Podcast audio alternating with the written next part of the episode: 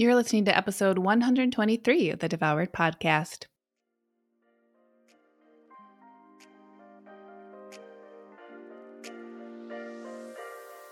Welcome to Devoured, the podcast for women ready to release the title of Dieter for Good. I'm your host, Lucia Hawley, and I'm a certified nutritional therapy practitioner with my master's in social work, clinical mental health. I've lost 80 pounds, and I'm on a mission to get you into the life of your dreams without being the woman who is consumed by diet after diet trying to get there. If you're wanting more in your life and are tired of wondering when or how to make that happen, then this is a podcast for you. You'll learn how to make the radical changes you've only dreamed of 100% possible for you today. I'm so happy you're here. The information provided within this podcast is intended as general education only and is not to be considered a substitute for professional medical advice, diagnosis, or treatment. Hey everyone, hope you are well. I hope if you celebrated Thanksgiving last week that it went well for you in the unique circumstances that you found yourself in. I will say that my boyfriend and I had a fairly typical Thanksgiving. This is our third together. And uh, the last couple have been just the two of us. So this one was pretty in keeping uh, with the trend so far. And we had a really nice time just hanging out at home, being real cozy, feeling all grounded and stuff. So, so I've had a couple different subjects for today's episode, and I've tried, honestly, I've tried recording a few, and I end up fumbling over my words, and or I'm like, why, like, what, is, what is, what, let me actually unearth what today's episode actually needs to be. So, here's what today's episode is about it's about the fact that any of the journey that we talk about on this show is voluntary. You are always in charge. And I feel called to this because of the season right now, after coming from a holiday that really puts eating on a pedestal. I think Thanksgiving can bring up a lot of stuff for some people. It can feel really freeing for a lot of people, and it can also feel like a free fall for other people. And I think the weekend after Thanksgiving can also, like, I almost want to categorize that as a, a time in and of itself. I think that can also be a really cool lens in which we can explore wow, what is this feeling that I'm feeling towards myself? And in the context of food and a relationship with food, but also this whole idea that I think if, if you're someone who has struggled, have felt like you've had a struggle with your weight, you feel like the subject of like food and you, there's either a roadblock there or a stumbling block or like a speed bump or something that makes it just a little bit rocky. I think you might align with this when you feel like this conversation, this subject is not voluntary you feel some sort of a pressure to have this, this thing, figured out, right? And what does figured out look like? Figured out could either look like, well, I'm just done having this conversation about my weight, closing it up, done with that chapter, no more. Or figured it out might be, oh, I moved through that. I decided to move with my goal or whatever thought I've had in my head. And now I'm on the other side of it right? There can be this release or this white knuckling onto. And that white knuckling right there is what I want to talk about today. Okay. Any subject that we talk about on this show, anything I talk about in Lean and Liberated with my clients, any pursuit that we choose is voluntary. And I think that's a really big part of this conversation of liberation that can start to feel like it becomes, well, voluntary to remember. we can start to forget that what we're doing is voluntary. And we can start to feel this either internal or internalized external pressure to be performing. Oh, I have to lose weight because X, Y, and Z. Oh my God, how am I not losing the weight?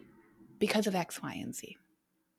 We can start to generate a lot of thoughts and then experience a lot of feelings. And if you've listened to this before, you know that I really believe that our thoughts do create our feelings. Our feelings influence our actions, and our actions sh- show us what happened, right? Like stuff happens because of what we do or we don't do. All of that is considered action. So, if we start to have the thought that none of this is voluntary, that you have to lose weight, that you have to look a certain way, that you have to be, performative, that that uh, this has to be hard, that none of this has to be easy. Like what that you can't eat this, you can eat that. If we start to forget that all of this is actually voluntary, what's going to inevitably happen is that we're making this pursuit, right? Whether you're just listening to the podcast, you listen to this one and a couple other ones, well, like whatever, whatever you're taking away from these conversations, if you forget that this is voluntary, then this will for sure feel like another diet. And I think this is so important right now. I say this almost every week, right? We have these different stressors at large in our lives that we can be aware of, but we also have our own lived lives and our own lived experiences. So you can opt in or opt out of most things probably not the pandemic, but a lot of other things in our lives social media messaging, different uh, uh, relational dynamics, different types of marketing. There are a lot of different ways that we can position ourselves to simply show ourselves and start to flex that muscle that what we choose especially if we're coming from a place of privilege, right? Remember, on this show, we're talking about some things we're not, this is not the show if you're having food insecurity. This is not the show to be aligning with, right? That we have to have different basic needs met.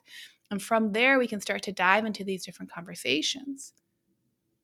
So if we understand that this conversation is a privileged conversation, and if we can do some work to be grounded and comforted within that container of that privilege, I then want to ask you if this is voluntary, right? If my goal, if my values align with allowing myself to have this experience be voluntary, how would I like it to go? How would I like this experience of weight loss to go because I'm not trying to like brainwash myself into believing it's voluntary. I believe from a deeply internal place, it is voluntary. That is when I think our pursuits really become our own. That's such a glorious and magnificent way to take what we start to externalize. Oh my God, I have to look this way for this photo or else blah, blah, blah. Oh my God, I can't believe I'm looking back on old photos. I can't believe I used to think these certain thoughts about myself because actually in those photos, I think this about what I used to look like. Blah, blah, blah. I can't.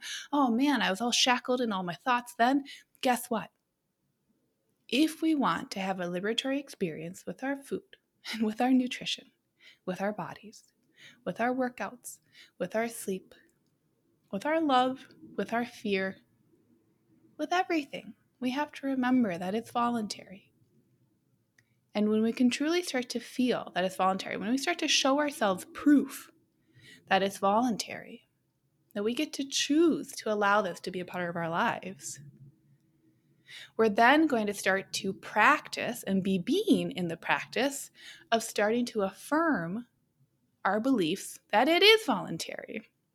That's the beautiful thing about thought work, which is a lot of what we do here on the show and in Lean and Liberated, right? When we talk about things like, okay, weight loss is more than just calories in, calories out. Of course, calories are a big part. Like, no, no energy in, energy out. Like, yeah, our bodies are functional to a certain degree, but thought work, our brains, are parts of our bodies if I tell you to think about sucking on a lemon right now, and you really actually think about cutting that lemon open, having the juice drip onto the cutting board, holding that half lemon up to your mouth, right? And then just like taking a big bite.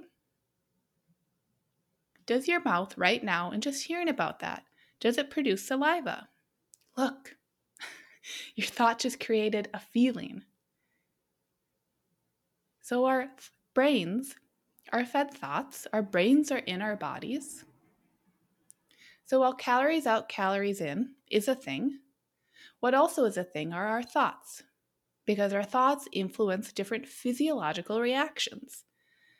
So I always say you could be eating the most perfect, quote unquote, diet, but if you hate it and you hate your life, you hate that food, you're going to have a really different, entirely physio- physiological reaction to that food than someone who's eating the same diet, who has pretty much the same things going on physiologically, aside from the stress of hating the food.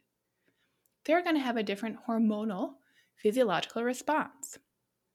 So, thought work is a huge part of any sort of a journey, including a journey with a relationship with ourselves, with the food on our plate, with the number on the scale. It actually has to be part of that journey. So I want you to know today that any of these conversations are always optional, they're always voluntary. But I want you to know that because they're optional, because they're voluntary, that is what gets to set us free. Is when we decide and we start to have the thoughts, I get to look for opportunities to understand where, if I would like to opt into these conversations, I'm doing so in such a way that helps me obtain greater freedom and more liberation. That's the second half of that lean and liberated like method, the program I talk about. We're not becoming lean so then we feel liberated. Like yawn. that is so boring. Instead, we pursue our liberation, we embody our liberation, and we do the really tough thought work of starting to believe and seeing proof, and therefore making proof, delivering proof, being proof. That by being liberated, if we would like that to also encom- encompass leanness, it can. Because we can become living proof of that. But the only way we start to do that is we start to remember that all these subjects get to be voluntary. So this is like a little love letter to you. If this week, post Thanksgiving, pre more holidays this season, in a time where there's a lot of darkness and there's some light too, but there's darkness. Let's be real. If this is something that's calling to you and you're feeling like shit, I have to figure have to figure my body out, have to do the diet, have to do like I'll just do it quietly and then no one will know well, you know. your brain knows. And then your brain's sending you signals to your body, and your body knows. Your body knows when you're on a diet. So why not think about, if you'd so like, why not think about a different choice this week? Why not ask yourself and trust yourself that you can make the choices this week that feel like freedom? And they might feel different. But maybe that's okay. Maybe the only way to show yourself something different this week is to try it out and try it on for size. What happens if you allow yourself to try that? What happens if you allow that to be a voluntary option that is abundantly right there for you? I want you to be thinking about that this week, okay? And I'll see you on next week's episode. Okay, everyone, that's all for this week. Thank you for listening to this full podcast episode. If you want more of this information every day instead of just one podcast episode each week, consider coming over to Instagram to hang out with me. I'm Lucia Hawley underscore over there. That's L U C I A H A W L E Y underscore. And one more thing before this episode ends please consider leaving a review of Devoured on iTunes so we can keep spreading the word. And together we can offer this free education, empowerment, and liberatory nutrition principles that will change more lives. If you're someone who likes to empower other people, then please consider sharing this podcast with friends and family. And by leaving a review, it makes a world of difference.